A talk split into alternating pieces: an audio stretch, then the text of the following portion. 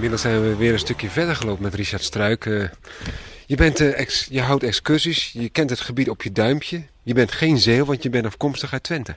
Ja, nee, ik ben, ik ben een cosmopoliet. Uh, stond er nog niet zo lang geleden in Dagblad Tubantia. Dat, dat zijn we ook. Maar ik ben hier natuurlijk in het begin van de zestiger jaren als directeur van de landbouwschool gekomen. Heb mij altijd ja, gewoon solidair gevoeld met de mensen waar je komt te wonen. Je moet niet op een eiland gaan zitten. En wanneer je interesseert voor hun doen en laten en leven, dan, dan groei je heel snel. Het, het zit hem altijd in de interesse. En zo is dat dus hier met dat, landgoed ook. Ik ben hier niet geboren, maar kom hier toch regelmatig. En lees hier veel en vraagt eens wat. Je bent gewoon opgenomen in de Zeeuwse bevolking. Je kent er alles van. Je weet ook een heleboel details. Het is hier een oude boerderij, restauratum 1860. Maar er is een speciaal verhaal met een burgemeester hier nog over te vertellen. Ja, de, de, hier heeft dus de jongen van Ellemeet het midden van de vorige eeuw, 1857 staat erop. Dus hier de hele familie staat er met naam en toenaam genoemd. Er is ook nog uh, een, een, dochter getrouwd, maar nou weet ik niet welke zo uit mijn hoofd. Maar uh, bij ons in de hervormde kerk in Oostkapelle, daar is nog een oude liturgie in veel kleurendruk. Dat is niet te geloven als je denkt, dat was zo ongeveer 1870. Uh, en daar staat die hele liturgie staat op, de liederen die gezongen werden van die de jongen van Allemeet. En dat kunnen ze in de torenkamer in Oostkapelle, een soort klein museum, kunnen ze dat laten zien. Dat is buitengewoon aardig. Die jongen van Ellemeet was trouwens ook een echte wetenschapper. Ik denk een, ja, toch in zijn dagen wel een goede burgemeester. En hij woonde hier gewoon op de boerderij? Uh, nee, hij woonde in de villa. Maar die boerderij die is nog in redelijke conditie, hè? Want hij, hij ziet er nog vrij goed uit. Die is in de loop der jaren natuurlijk gerestaureerd. Hè? En dit is 1860. En daarachter heb je nog weer zo'n zo'n oud, ja, oud woonhuisje. Met een, daar werd ook met, met zo'n bakspieker, zeggen we dan. Zo'n zo'n bakkeetje.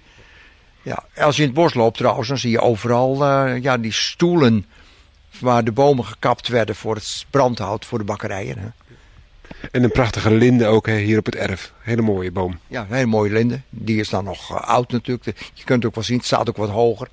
Een deel heeft onder water gestaan in 45, een, een klein deel ook niet. Hè. We kunnen ook wel hier even lopen. Dat is uh, bijzonder aardig om te laten zien wat je kunt krijgen wanneer je zorgvuldig met de natuur bezighoudt. Hier was, dan lopen we even deze kant uit over dat graspad. Hier was een populiere bos. En uh, ik vond het zelf altijd een heel aardig bos. Al groeiden er alleen maar brandnetels onder. Maar toch, als bos, en dit is toch een bosarme provincie, vond ik het altijd aardig. Maar ja, populieren, die zijn, die zijn gauw dood. Als je 40, 50 jaar, dan, dan moeten ze dus... Ik dacht al, nou, dat zal niet zo lang meer duren. Er viel wel eens wat om dacht er, daar zal toch een gat vallen als dat populiere bos weg is. Nou, de populiere bos gekapt. Ik dacht, oh heer, wat krijgen we nu? Nou, men heeft zich hier intensief mee bezig gehouden van hoe krijg je nou iets aardigs? Nou, wat, wat, wat ik dan aardig vind, dat, dat ligt nou voor je. En nu is het september, dus er, er bloeit niet zoveel.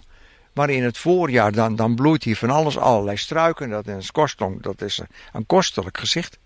En hier zitten dan ook vaak op dat korte gras nog wat konijnen. Er zitten veel vogels. Er is met, met heel veel zorg is hier gekozen voor een, uh, ja, wat wij noemen een bosplantsoen. Een, een, een, grote variatie. We kunnen wel even zo rondlopen. We lopen gewoon even door. Er zijn net al een paar distels langs uh, gelopen. Jawel, en je kan ook wat dingen aanwijzen. Wat wij hier zo zien. Uh, wilde liguster, hazelaar, peterselievlier. Hè, dat is dus een bijzondere vlier. Ook weer een hazelaar. Zo'n berkenlaantje. Nee, de, ja, je hoort de vogels heel al hier. hier heeft, dat, heeft dat veel onderhoud nodig, zo'n dergelijk aangelegd gebied? Nou, ik denk dat het wel moeite kost om het mooi te houden. Want in ons klimaat uh, heeft alles de neiging om bos te worden. En heb je een bos is het natuurlijk wel aardig, vooral als je een oud bos hebt. Maar het is, het is leuk, die, die variatie in struiken. En dan moet je natuurlijk oppassen dat die weer niet uh, in de verdrukking komen. Hè? Komen hier ook wel eens reeën of herten? Oh jawel. Ja, ja, die lopen hier regelmatig. Want die komen ja, hier zo op, het, op het hele land goed. En dat wijkt dan weer uit naar het Oranjebos aan de overkant. Maar ze hebben hier een, een, een hele aantal paden aangelegd. En jij bent, hebt, hebt die waarschijnlijk nooit gelopen toen dat populiere bos er hier was. En dat stelde dan, om het gewoon maar te zeggen, geen moer voor. En als je dan ziet hoe, hoe leuk dat nou is. Dan, kijk, die, die open Je, je ziet het, hè, de open plekken, dat, dat, scheelt, dat is ook voor, voor, Ja, voor dieren belangrijk. Een, een slok op een borrel natuurlijk. Hè. Die, die, die, die variatie in landschap. En dan, ja, dat struweel allemaal. Nee, ik vind dit eh, werkelijk een enorme verbetering in vergelijking met het populiere bos. Hè. Kijk daar, die leuke eh pruimpjes, zeg maar, aan de sleedoren. Ja, je ziet ze blauwe, lijken Ja. op, op druifjes. Dat zijn echt eh, bekkentrekkers, hè. Want als je die in je mond steekt, dan, eh, ja, dan trek je wel eventjes, ja. Dan krijg je een scheve mond eigenlijk. Ja, zeker. Ja, vandaar de naam, hè, bekkentrekkers. Hè. Heel mooi gebied hier om rond te lopen, lekker is stil. Er zitten heel veel vogels hier. Nee, dit is werkelijk, kijk, dit is ook mooi. Hè? Zo, het zit helemaal vol met die pruimpjes. Maar kijk, krijg je nou weer zo'n esdoorn. Daarachter, die groeit als kool. En, nou, daar zal de beheerder op een gegeven moment wel op moeten letten. En dat doet hij ook. En dat geeft dan veel werk. Want hoe groter zo'n boom, ja, hoe meer tijd dat neemt om dat eh, om te zagen. Met andere woorden, het is niet alleen maar het aanleggen, het is ook het onderhouden wat gewoon eh, heel erg belangrijk is. Want anders ben je het mooie gebied onmiddellijk weer kwijt. Kijk, natuur moet met verstand eh, worden aangelegd en beheerd. Hè? Al- Als je er verstand van hebt en je hebt daar liefde voor en enige kijk op, dan is er ook nog wel natuur te maken. Ook, ook op Walcheren wel. Maar je, het, het ontbreekt vaak aan visie, dat is, dat is zeker.